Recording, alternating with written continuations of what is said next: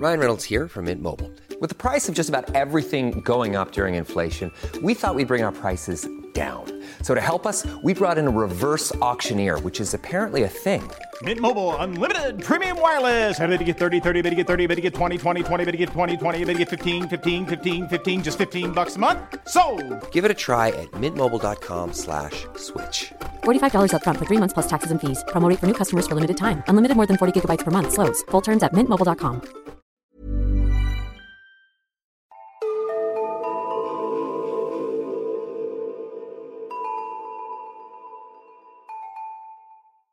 Hej och välkomna till Nära ögat, en true crime-podd för mesar.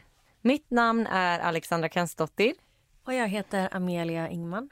Och välkomna till en ny säsong! Ja, äntligen. Det är så kul att vara tillbaka. Vi har haft ett ganska långt uppehåll. Ja. Men jag tror i och för sig att det behövdes. Ja, nu är vi supertaggade på att starta igång, vad blir det, säsong nummer fyra, avsnitt 44. Ja, vi har saknat er och vi har saknat podden så att eh, det ska bli jättekul att, att spela in dagens avsnitt men det känns lite ovant. Ja men verkligen. Man är typ nervös. Ja. Ja, vi får väl hoppas att vi fortfarande har det i oss. Ja, och tack så jättemycket till alla er som har hört av sig till oss under vårt uppehåll med tips, feedback och ja, bara fina kommentarer. Ja, och ni har verkligen besvarat vår önskan om att få tips. Vi har fått så mycket bra tips. Ja, det är perfekt. Nu har vi hela säsongen klar för oss. Ja, och innan vi drar igång dagens avsnitt så hade du en liten update du ville göra va? Ja, exakt. Jag skulle vilja ge en liten uppdatering gällande fallet som jag tog upp i avsnitt 32 om eh, entreprenören Elizabeth Holmes. När vi spelade in avsnittet så hade rättegången mot henne påbörjats men domen hade inte fallit än. Men det har den gjort nu, vilket många av er säkert redan har sett. Och väldigt kort sammanfattat så uppfann Elisabeth en blodprovsteknik som påstods vara revolutionerande.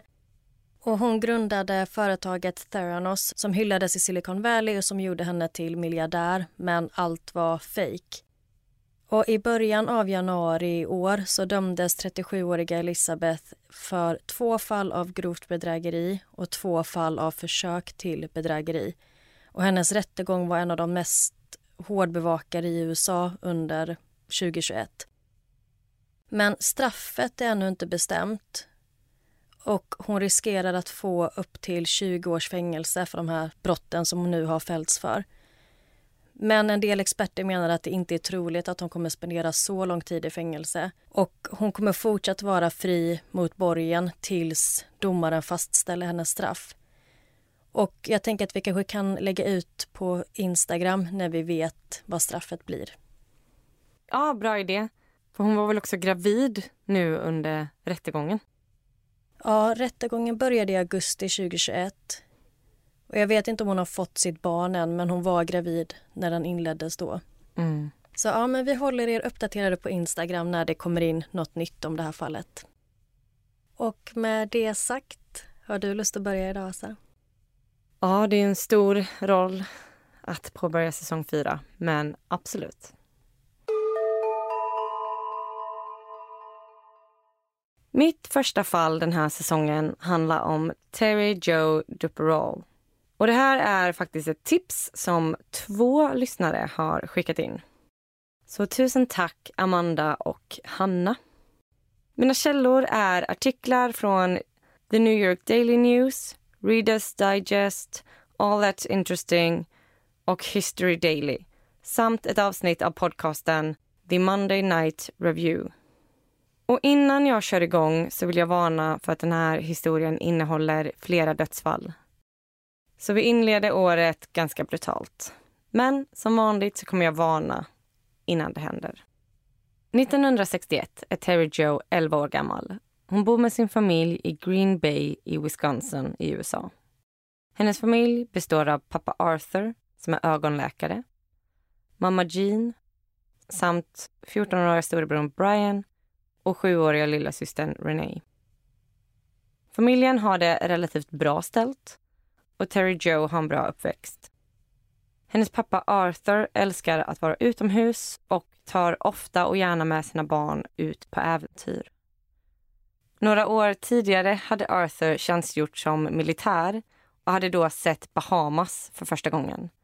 Och han vill nu inget hellre än att åka tillbaka. Han drömmer om att visa sin familj det kristallklara vattnet och de vita stränderna. Terry Joe är väldigt nära sin pappa och nu vill hon inget hellre än att se Bahamas som han pratat så kärt om.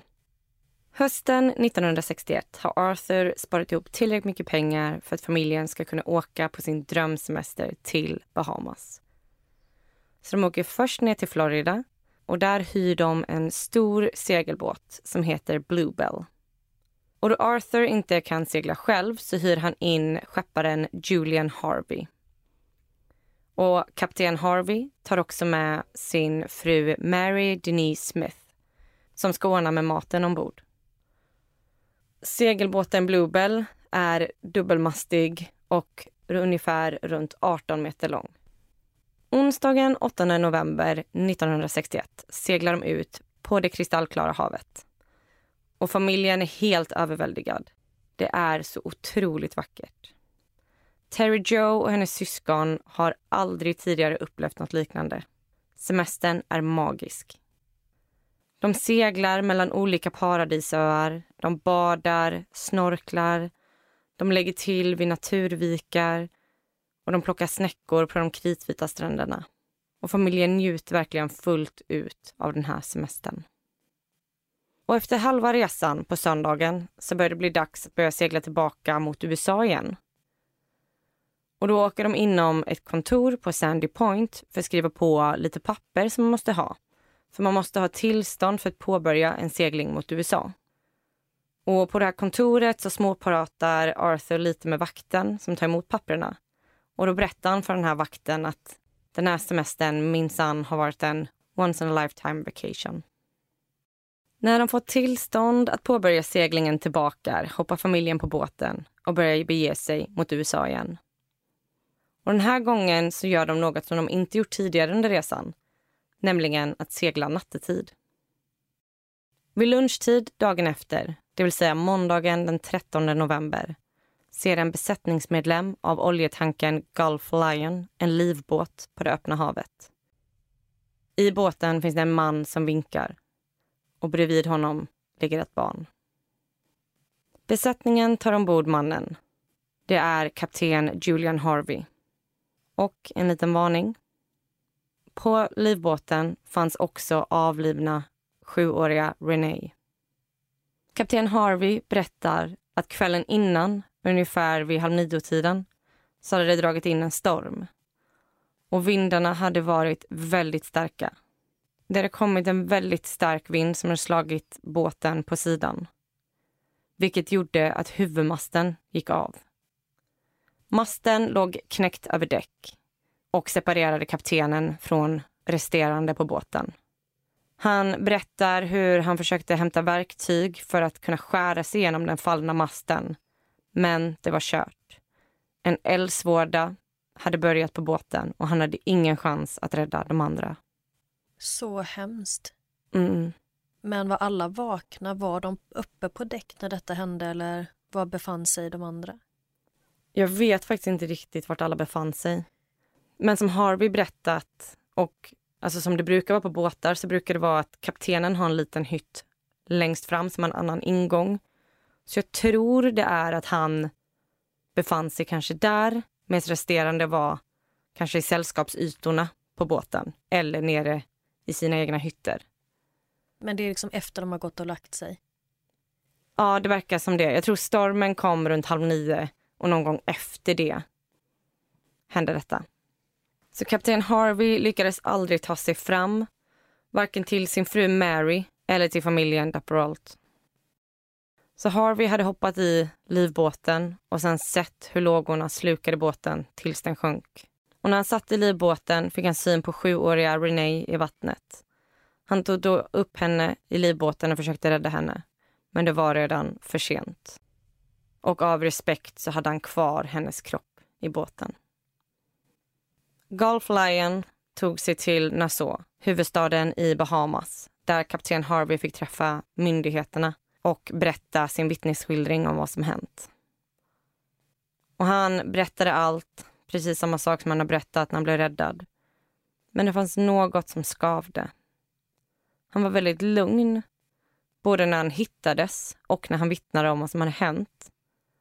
Men man vet ju aldrig hur någon annan reagerar när de är i chock. Men så fanns det också en annan detalj som var lite konstig. Livbåten hade varit full med överlevnadsutrustning. Vilket är konstigt om man flyr från en sjunkande brinnande båt. Lägger man verkligen tid på att hämta överlevnadsutrustning eller försöker man rädda sin fru eller kanske något av barnen i familjen som åkte med? Ja, det låter ju ganska konstigt. Mm. Visst, man kanske har en väska förberedd för en sån här situation, men hade han flera saker? Ja, det verkar som att han hade liksom ett stort kit med överlevnadsgrejer. Ja, man förstår att det kanske väcker en del misstankar. Mm. Och sen kan de inte heller se att det hade varit dåligt väder den natten. Ingen fyr i närheten hade registrerat någon storm. Julian Harvey tas till Miami istället och där får han återigen gå igenom sitt vittnesmål och den här gången med amerikanska myndigheter. 17 november sitter han i ett förhör och berättar om vad som hänt. Och mitt under förhöret så kommer kommissarie Ernest Murdoch in och avbryter. Han berättar att de otroligt nog har hittat en till överlevare. Nämligen 11-åriga Terry Joe. Julian Harvey utbrister genast Oh my God. Och sen fortsätter han med att säga Isn't that wonderful? Kort därefter ber Julian Harvey om att få avbryta förhöret.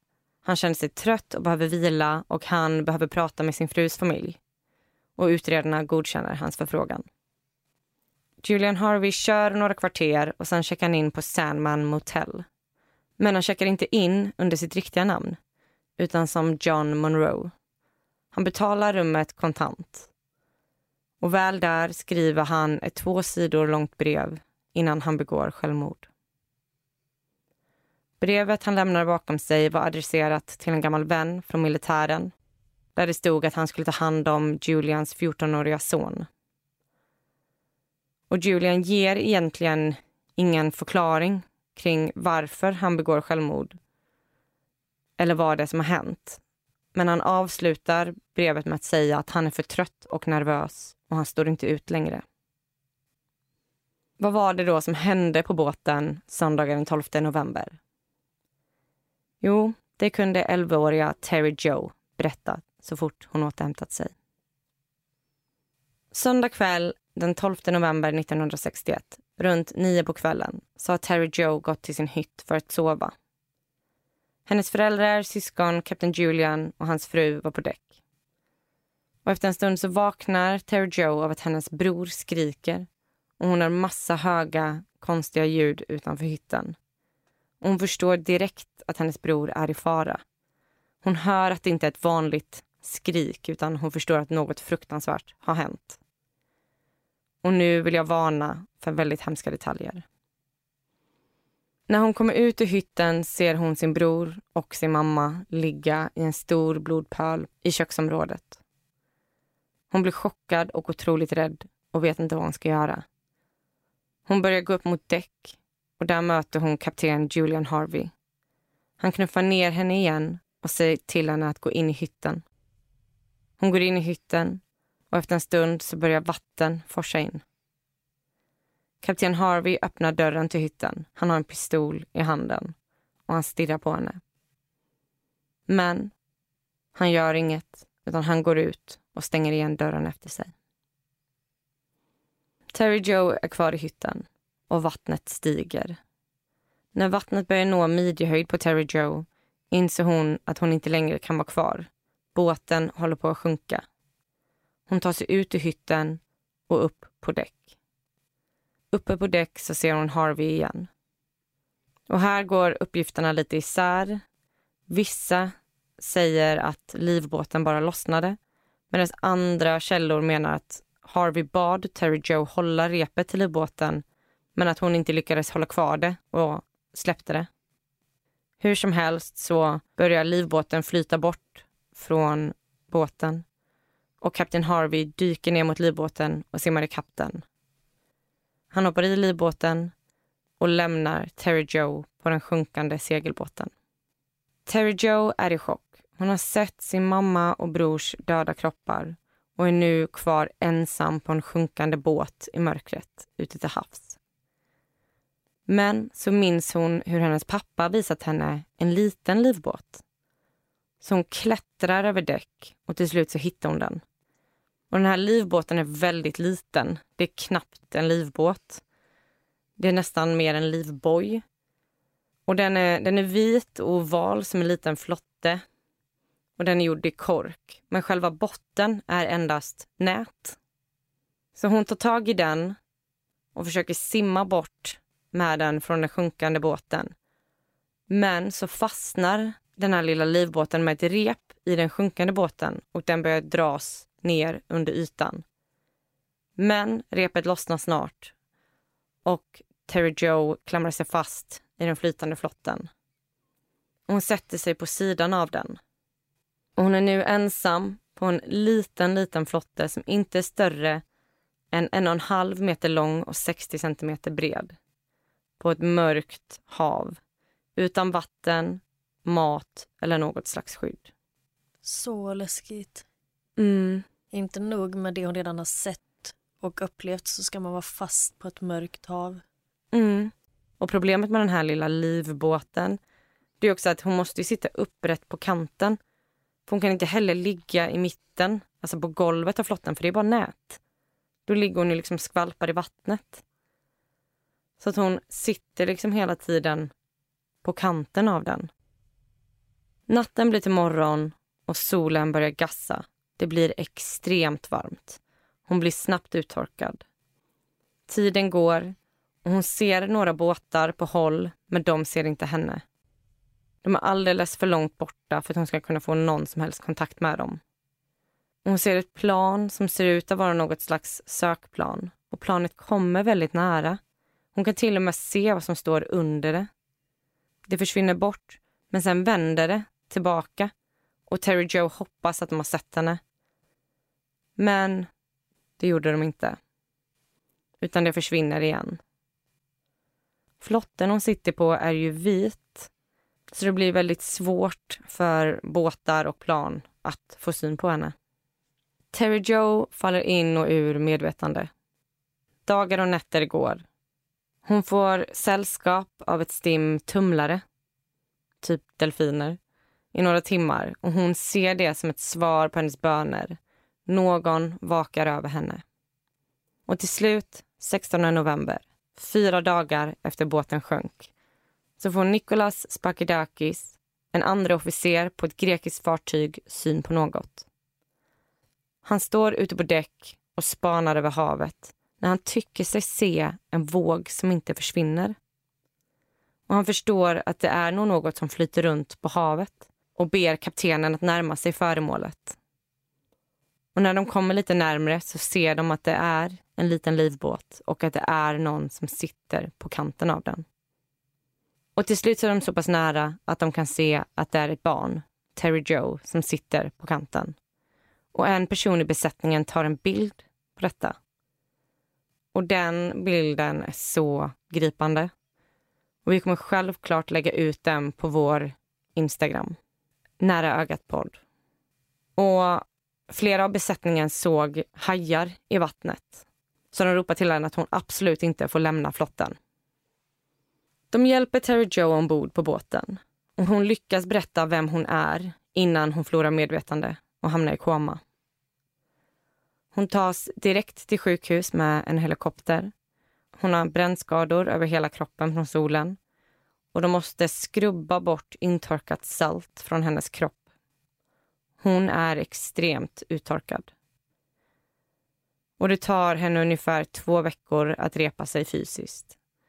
Och när hon är pigg nog för att berätta sin historia har kapten Harvey redan tagit sitt liv. Och vem var då kapten Julian Harvey? Och varför gjorde han det här fruktansvärda dådet? Julian Harvey växte upp med sina morföräldrar då hans föräldrar skilde sig när han endast var fem år gammal och ingen av dem hade möjligheten att ta hand om honom ensam. I skolan var han populär. Han var både välklädd och hade en fallenhet för idrott, speciellt gymnastik. Han var bodybuilder och han jobbade extra som modell och var en riktig kvinnokar med sitt blonda hår och stora leende. När han var 24 år gammal så hade han värvats som stridspilot av militären och han flög bombplan under andra världskriget. Han hann få flera ärofyllda medaljer innan han skadades i en flygkrasch 1958 och kunde därmed inte arbeta inom militären längre. Harveys fru, som jag berättade om innan, Mary Denise Smith, var inte hans första fru, utan hans sjätte. Harvey hade alltid haft lätt att få tjejer och det resulterade flera gånger i en snabb förlovning och sen giftermål. Och väldigt många otrohetsaffärer. Harveys andra fru, Joanne, dog i en bilolycka 1949. Paret samt Joannes mamma var ute och åkte en regnig kväll när de kraschade genom ett vägräcke och körde ner i vattnet. Harvey berättade för räddningspersonalen hur han hade hoppat ut ur bilen medan den var i luften. Men det stämde inte alls överens med bevisen. Och både Joanne och hennes mamma dog i den här olyckan. Och innan jobbet på Bluebell så hade Harvey haft flera egna båtar. Men som alla hade sjunkit. Men han lyckades alltid få tillbaka stora summor på de olika försäkringarna. Och det visade sig att han hade ordnat en livförsäkring till Mary Denise Smith på 20 000 dollar som skulle dubblas om hon gick bort i en olycka. Så det är det man tror var motivet? Precis, det finns lite olika teorier. En teori är att han mördade sin fru och att han antingen blev påkommen alltså under mordet eller när han gjorde sig av med kroppen av de andra på båten. Och att därmed var han tvungen att sänka hela båten med familjen. Ja, för jag tänkte precis varför dra in hela den andra familjen i det här om han bara ville ta livet av sin fru. Mm. Ja, man tänker att han hade kunnat göra det vid ett annat tillfälle eller ett Exakt. scenario som inte utsatte några andra för fara. Folk spekulerar ganska mycket i så här, varför dödade han inte Terry Joe om han ändå dödade resten av familjen. Men det jag tror är att han mördade sin fru och blev påkommen på ett eller annat sätt, kanske när han ja, men, gjorde sig av med kroppen och att han sen i panik dödade de andra. Han tänkte väl att hon ändå kommer dö om båten sjunker. Ja, men precis så hade det kunnat vara. Men såg Terry Joe vad som hände med hennes pappa? Nej, det gjorde hon inte. Alltså hon fick ingen som helst hjälp av myndigheter eller liknande att bearbeta det här extrema traumat som hon gått igenom. Så att hon pratade inte om något av det här som hade hänt med någon på många, många, många år. Då hon aldrig såg sin pappa den natten så vägrade hon tro att han var död. Så att när hon blev vuxen så spenderade hon många tillfällen med att köra fram och tillbaka i Florida och leta efter honom. Hon hoppades och trodde att han kanske hade överlevt och fanns där ute någonstans. Och det var inte förrän hon var runt 35 som hon accepterade att han var död. Och vad sorgligt. Och det var först efter det som hon verkligen började bearbeta vad som hände den natten. Och det resulterade i att hon 2010 skrev en bok om hela upplevelsen som heter Alone. Idag har Terry Joe tre egna barn. Hon är gift med en man som heter Ron som i sin tur också har tre barn. Så hon skattar sig väldigt lycklig med att hon idag har en egen stor familj som hon älskar och känner sig älskad av. Och det var historien om Terry Joe Duperall. Så hemsk historia. Ja, verkligen. Alltså efter den här olyckan så togs hon in alltså av sin faster och växte upp med hennes familj. Så hon hade ju då flera kusiner som hon som nästan blev hennes syskon. Så hon hamnade inte på fosterhem eller så efteråt. Mm. Så att hon växte ändå upp med sin familj. Ja, vad fint. Men så sjukt att hon överlevde, vad sa du, fyra dagar på den här flotten. Utan vatten, utan mat, utan något slags skydd för solen. Alltså kallt och mörkt om nätterna och gassande sol på dagarna. Ja, och jag tänker också att hon var tvungen att sitta på kanten. Det går ju inte att sova då ordentligt, tänker jag, eller hur? Nej, precis. Och när de tog upp Terry Joe, när de hittade henne, så tänkte de aldrig på att ta upp flotten. Men eh, kustbevakningen har hittat den bara någon dag senare. Och när de tog upp den så bara föll den isär. Den var så sliten. Oj, då var det kanske i sista stund som hon räddades. Mm. Men ja, man hade varit så rädd. Jag bara tänker på alla hajar och... Ja, men tänk dig, alltså helt kolsvart. Det blir ju så mörkt på nätterna där. Och så är du liksom ute på öppet hav och säkert hör massa grejer och du vet, och vågorna slår. Måste vara helt fruktansvärt. Ja, man kan inte göra någonting. Nej. Men också så snabbt tänkt av henne att ta den här bojen när båten höll på att sjunka. Att hon i det chocktillståndet ens kunde minnas att den bojen fanns. Ja, alltså det är så imponerande. Speciellt för en 11-åring. Mm. Att hennes pappa hade berättat att den fanns.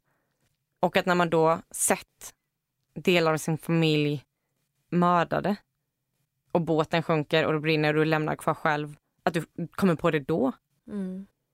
Och en sak som man tycker väldigt synd om Terry Joe för det är det här att man fick ingen hjälp med att bearbeta trauman på den tiden. Nej. Eller vad jag har hört i alla fall så känns det inte som att man gjorde det. Dels så pratar de inte om psykisk ohälsa på det sättet. Och jag menar, alltså hon var 11 år och såg det här fruktansvärda. Hon behövde professionell hjälp. Det känns som att det var så mycket hysch-hysch att man inte skulle prata om grejer på den tiden. Och jag är så glad över att världen inte ser ut så idag.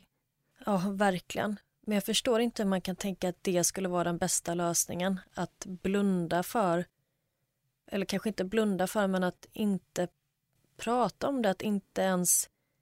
Alltså, jag gissar på att folk typ inte visste bättre och kanske tänkte att det skulle påminna henne om det som hade hänt. Eller liknande, att man så här, det var, det var inte det klimatet i samhället att man pratar om psykisk ohälsa, alltså bara de här, alla de här personerna som kom hem från kriget. Som har sett fruktansvärda saker som aldrig någonsin pratade om det. Ja, PTSD som har påverkat generationer. Mm. Och med det sagt så uppmuntrar vi alla att prata om det man gått igenom. Ja, och jag tycker det är så ofta vi har tagit upp fall där man hör att, att det är just det att prata om ens trauma och prata om det man har gått igenom är just det som får en att kunna bearbeta och gå vidare och förhoppningsvis må bättre. Mm. Ja, och med de kloka orden så tycker jag att vi lämnar det här fallet. Och nu är jag så taggad på att bara luta mig tillbaka och lyssna på How would you like to look five years younger? In a clinical study, people that had volume added with Juvederm Voluma XC in the cheeks perceived themselves as looking five years younger at six months after treatment. Look younger, feel like you. Add volume for lift and contour in the cheeks with Juvederm Voluma XC. Reverse signs of aging by adding volume to smooth laugh lines with Juvederm Volure XC. For important safety information and to find a licensed specialist, visit juvederm.com. That's J U V E D E R M.com. Not for people with severe allergic reactions, allergies to lidocaine, or the proteins used in Juvederm. Common side effects include injection site redness, swelling, pain, tenderness, firmness, lumps, bumps, bruising, discoloration, or itching. There's a risk of unintentional injection into a blood vessel, which can cause vision abnormalities, blindness, stroke, temporary scabs, or scarring. Talk to a licensed specialist to find out if it's right for you. Hey, I'm Ryan Reynolds. At Mint Mobile, we like to do the opposite of what Big Wireless does. They charge you a lot, we charge you a little. So naturally, when they announced they'd be raising their prices due to inflation, we decided to deflate our prices due to not hating you. That's right. We're cutting the price of Mint Unlimited from $30 a month to just $15 a month. Give it a try at mintmobile.com slash switch. $45 upfront for three months plus taxes and fees. Promo rate for new customers for limited time. Unlimited more than 40 gigabytes per month. Slows. Full terms at mintmobile.com. dig.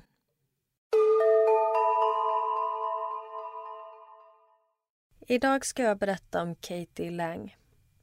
Mina källor är 60 Minutes Australia, Daily Mail, news.com.au och The Sydney Morning Herald.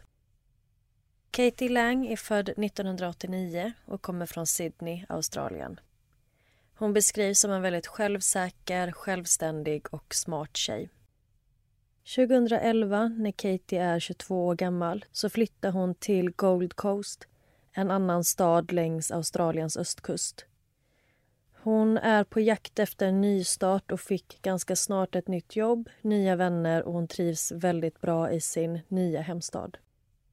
En kväll när Katie är ute på en nattklubb så ser hon en man på dansgolvet som direkt fångar hennes uppmärksamhet. Hon tycker att det är någonting med honom som står ut. Han är speciell på något sätt och hon dras till honom. Mannen heter Damien Baston. Han är utåtriktad, skärmig och han berättar att han är en musikproducent från USA som letar efter nya talanger i Australien. Katie och Damion börjar dejta och till en början går allting väldigt bra. Men vad Katie inte vet är att Damion är kriminell. Han har varit en hallick i flera år och är en mästare på att manipulera folk. Damion har en plan med relationen. Och Det är att lura Katie in i ett förhållande isolera henne från vänner och familj och sen tvinga henne in i prostitution. Och hemskt nog så lyckas han. Och mycket tack vare en bok som heter Pimpology, a how-to book on a sordid business for prostitution. Det finns alltså en bok kring hur man får in folk i prostitution. Ja, precis. Det som en steg för steg handbok. Alltså för det första så känns ju han som så pure evil som går in i det här förhållandet med den baktanken. Men att det finns en bok om det här är helt galet. Ja, jag blev också väldigt förvånad när jag fick höra om den här titeln. Men ja, det är alltså en handbok för hallickar. Och jag vill redan nu flagga för att jag kanske använder fel uttryck och ordval när det kommer till prostitution. Vissa föredrar sexarbetare, men jag kommer använda termen prostitution. Boken har som sagt en steg för steg-guide som Damien använde sig av. Och nu vill jag varna känsliga lyssnare för nu kommer det handla om sexuella övergrepp och våld. Steg 1. Skrämsel, hot och kontroll genom extremt våld. Damien brukade slå Katie och vid ett tillfälle så slog han henne i magen så hårt han bara kunde så att hon föll ihop på golvet och tappade andan. Och sen lyfte han upp henne och ströp henne, tog tag i håret och slog hennes huvud in i väggen. Steg två, Mental tortyr. Han värmde upp bladet på en kniv som han sen höll mot Katies hals. Hon försökte ta sig loss och springa därifrån men han slängde ner henne på golvet igen och fortsatte hota att han skulle skära halsen av henne. Om hon försökte säga emot eller ifrågasätta Damion så tryckte han upp henne mot väggen och hotade henne och sa våga aldrig prata till mig på det sättet igen. Steg 3. Våldtäkt. Han brukade misshandla och sedan våldta Katie. Och trots att hon grät och skrek och bad honom att sluta så fortsatte han. Detta skedde flera gånger och Katie säger att det verkade som att han njöt av att göra det. Katie blir extremt nedbruten och hon blir bara ännu mer rädd när Damien berättar för henne att han är medlem i ett farligt kriminellt gäng i USA. Och om inte Katie lyder och gör som hon blir tillsagd så kommer han se till att hennes familj mördas. Och hotet om att döda familjen är det sista förnedrande steget han tar för att tvinga in Katie i prostitution. Hon upplever hans hot som verkliga och nu när hennes familjs liv är i fara så gör hon allt vad hon kan för att skydda dem. Och hon ser ingen utväg från det här förhållandet.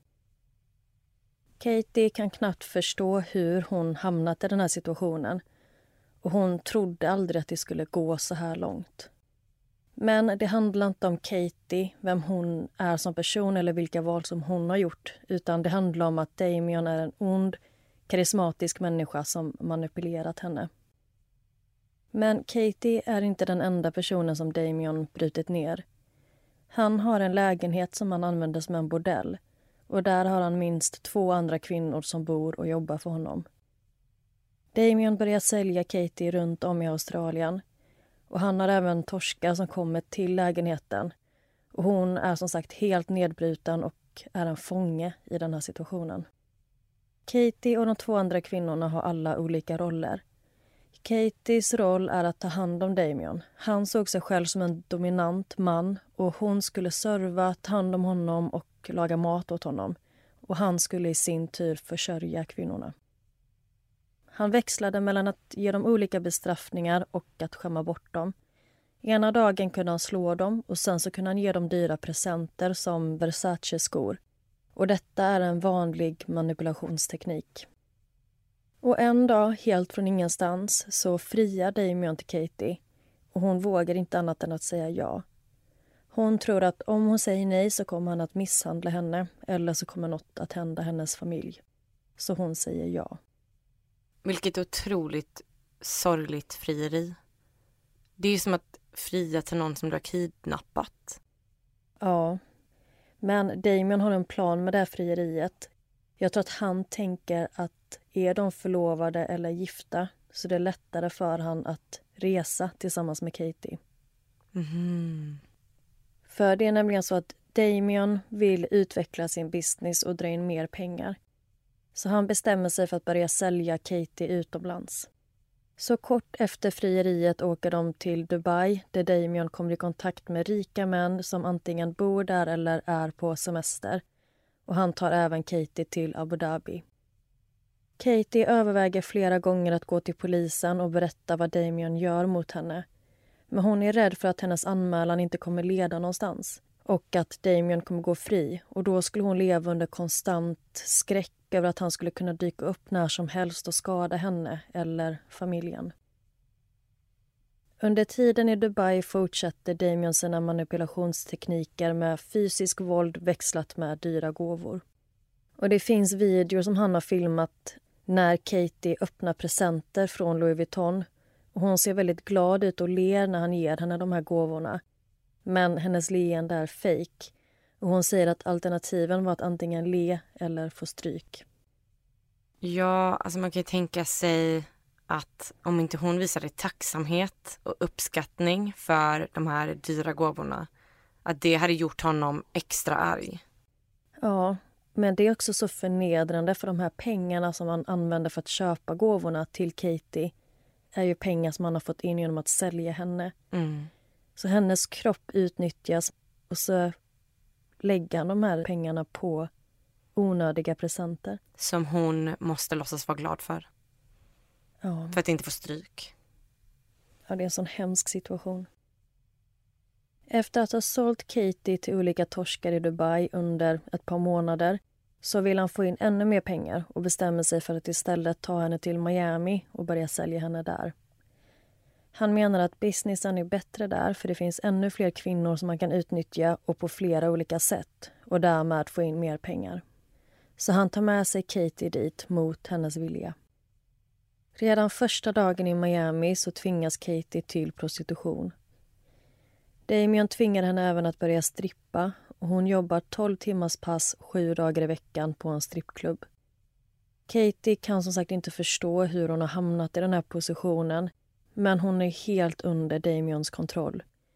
Hon är helt knäckt och förnedrad och känner att hon vill ge upp och överväger flera gånger att ta sitt eget liv och även ta livet av Damion. I början av förhållandet så tyckte hon att han var en väldigt kärleksfull pojkvän. Men allt han var ute efter det var en ny tjej till sin trafficking business. Under tiden i Miami blir Damien allt mer våldsam och Katie börjar tappa allt hopp. Men efter att ha varit i landet ett tag så håller Katies visum på att löpa ut och hon bönar och ber Damien om att få åka hem till Australien och förnya visumet. Hon vill så himla gärna träffa sin familj som hon inte har sett på flera år. Och efter att Damien har slagit och bestraffat Katie så belönar han henne till slut med att låta henne åka. Och hon lovar att komma tillbaka så fort som möjligt. Katie är jättelättad över att få resa hem och komma ifrån Damien. Men det är inte självklart att hon kommer lyckas ta sig ur den här fruktansvärda situationen. Och det är inte bara för henne att packa väskan och hoppa på ett flyg och sen är allt klart, utan hon är fortfarande helt manipulerad och hjärntvättad och lever under skräcken om att hennes familjs liv är i fara. Katie reser till Sydney och åker hem till sin familj. Hon berättar för dem att hon har jobbat som prostituerad men hon säger ingenting om att det är Damien som tvingat henne. Utan hon säger att det är något som hon själv har valt och att hon vill göra det. Och anledningen till att hon inte säger sanningen är för att hon inte vill att någon ska försöka ge sig efter Damien och försöka sätta dit honom. Men familjen tror inte på henne.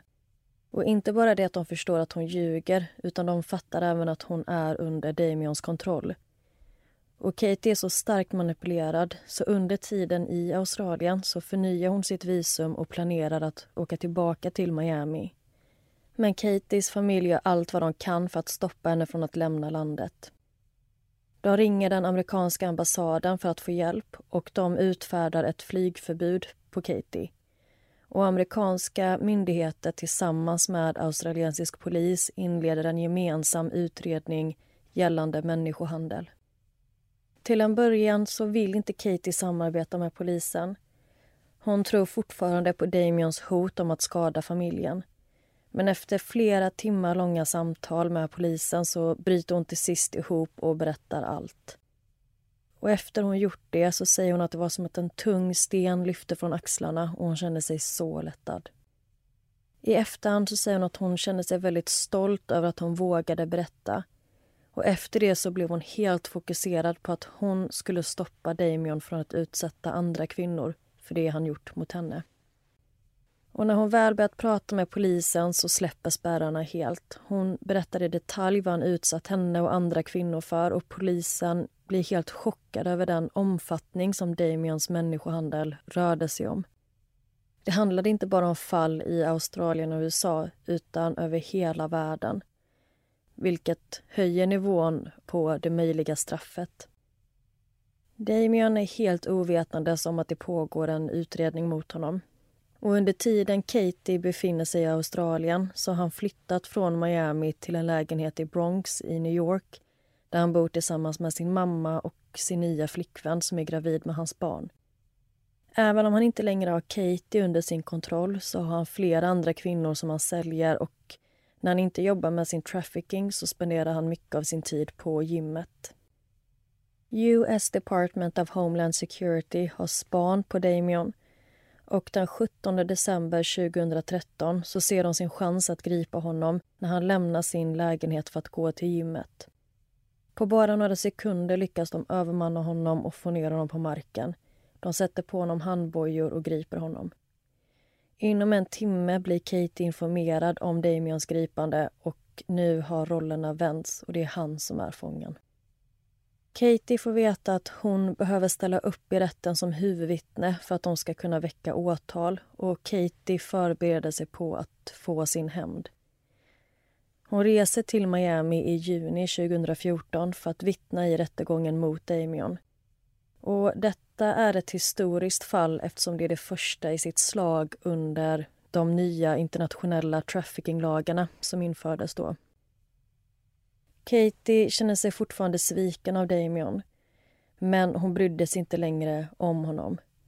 Och Hon berättade att de blickarna han gav henne i rättssalen var precis som att han tittade på henne och menade hur kan du göra detta mot mig?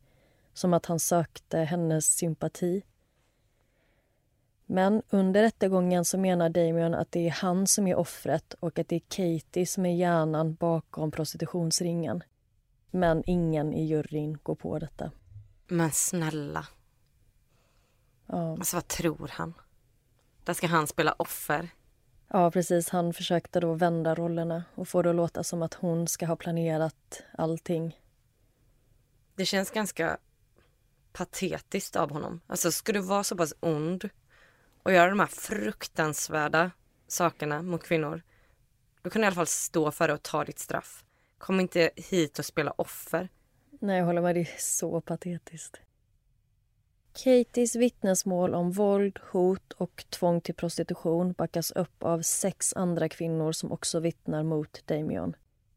Rättegången pågår i tio dagar och det tar bara juryn sex timmar att finna honom skyldig på alla 21 åtalspunkter. Bland annat sextrafficking, pengatvätt och identitetsstöld. Och Damien döms till 27 års fängelse.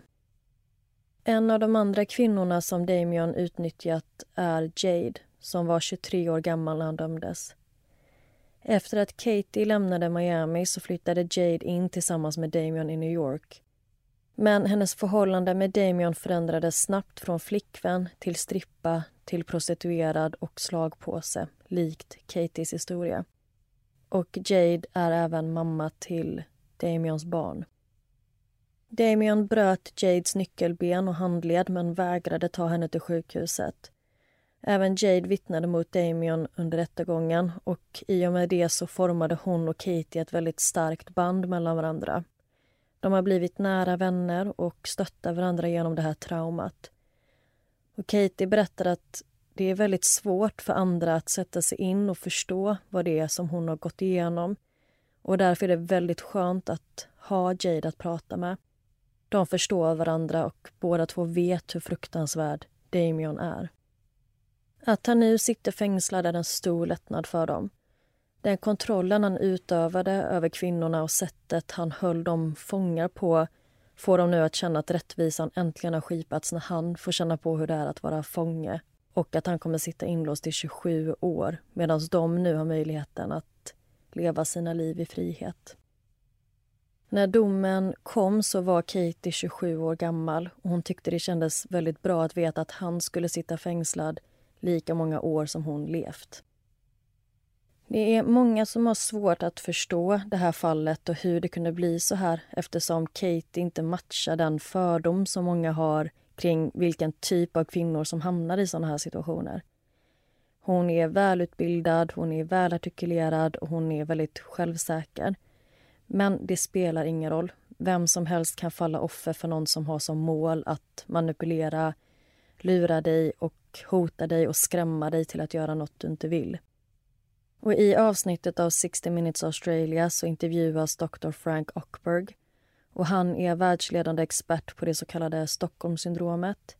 Och det innefattar då det band eller den relation som kan uppstå mellan ett kidnappningsoffer och förövaren. Dr. Ockberg är väl insatt i Katies fall och han får frågan hur det kan komma sig att någon som Katie kunde hamna i en sån här situation att Damien fått henne att göra något hon verkligen inte vill. Och Dr. Ockberg menar att det spelar ingen roll hur mycket man tror sig veta om onda människor eller hur man tror att man skulle reagera i en viss situation. Man vet inte förrän man har hamnat i den. Och det var inte förrän det var för sent som Katie insåg att hon var i ett förhållande med en väldigt ond man.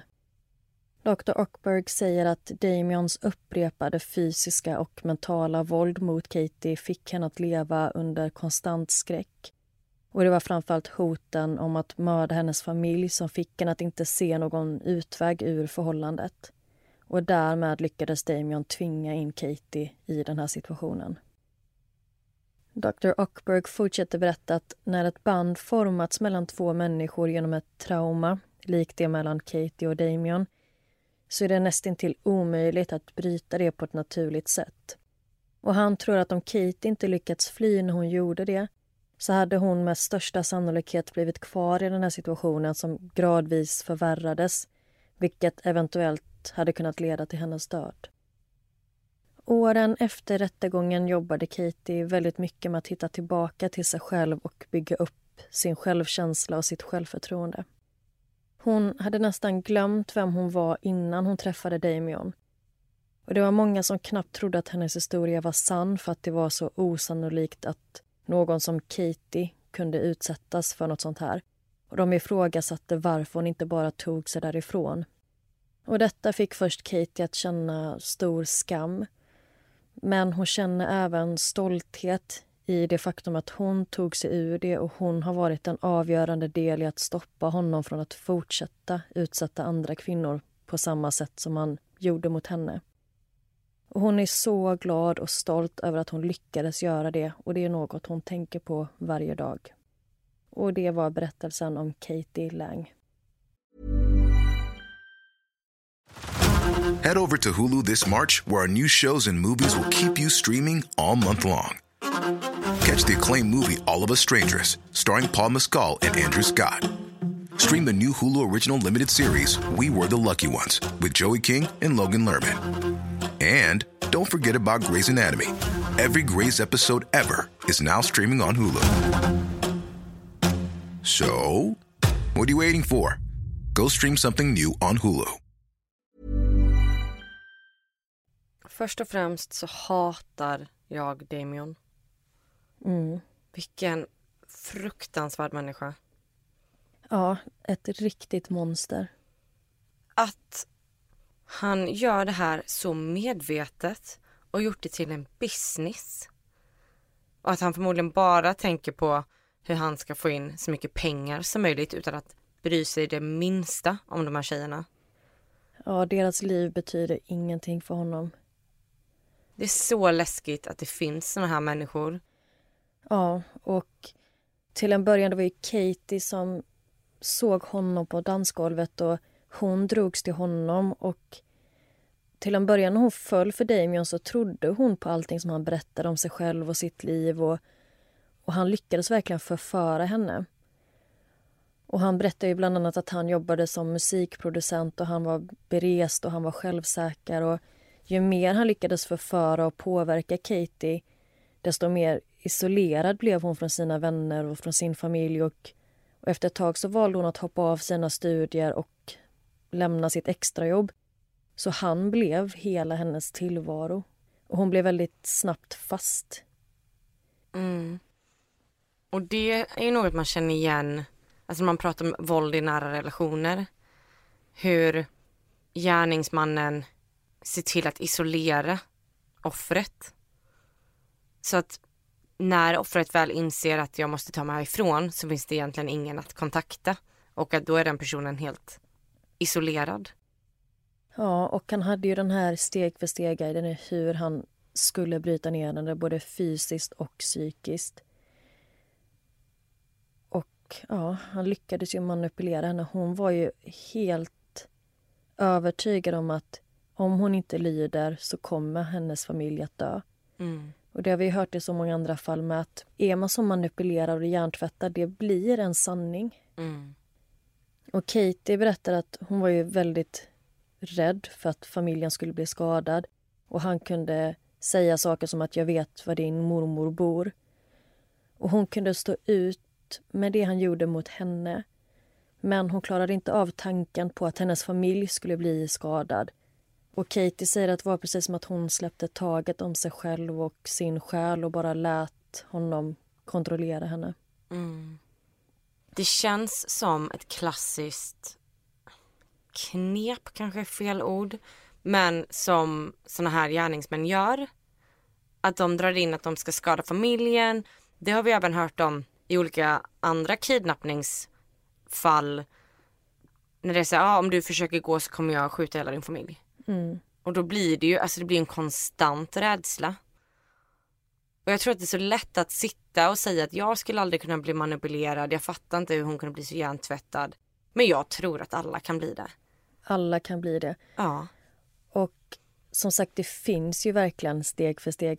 Det är samma med sekter. Det ju, finns ju bevisade tekniker på hur man får människor att falla in i ledet. Hur man Mm. manipulerar folk, hur man hjärntvättar folk. Och hon blev manipulerad. Mm. Och hon trodde att hon skyddade sin familj. Och vilken fantastisk familj hon har. Som hjälpte henne ur det här. Och att de direkt förstod att hon ljuger och Damien kontrollerar henne. Mm. Visst, det kanske var helt emot hennes karaktär att prostituera sig. Mm. Men att de ändå förstod att det är något som inte stämmer här.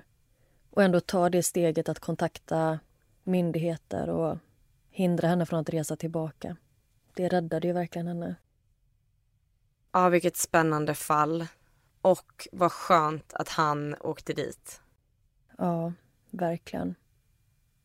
Och det var allt för första avsnittet på säsong fyra. Ja, tack så jättemycket för att ni har lyssnat. Och vi kommer som vanligt lägga ut bilder från våra fall på sociala medier. Och ni hittar oss på Instagram och Facebook under namnet Nära ögat podd. Så följ oss där och hör av er om ni har några tips eller kommentarer eller tankar kring fallen. Och tack för att ni lyssnar på ännu en säsong. Vi hörs igen nästa vecka. Puss puss! Ha det fint!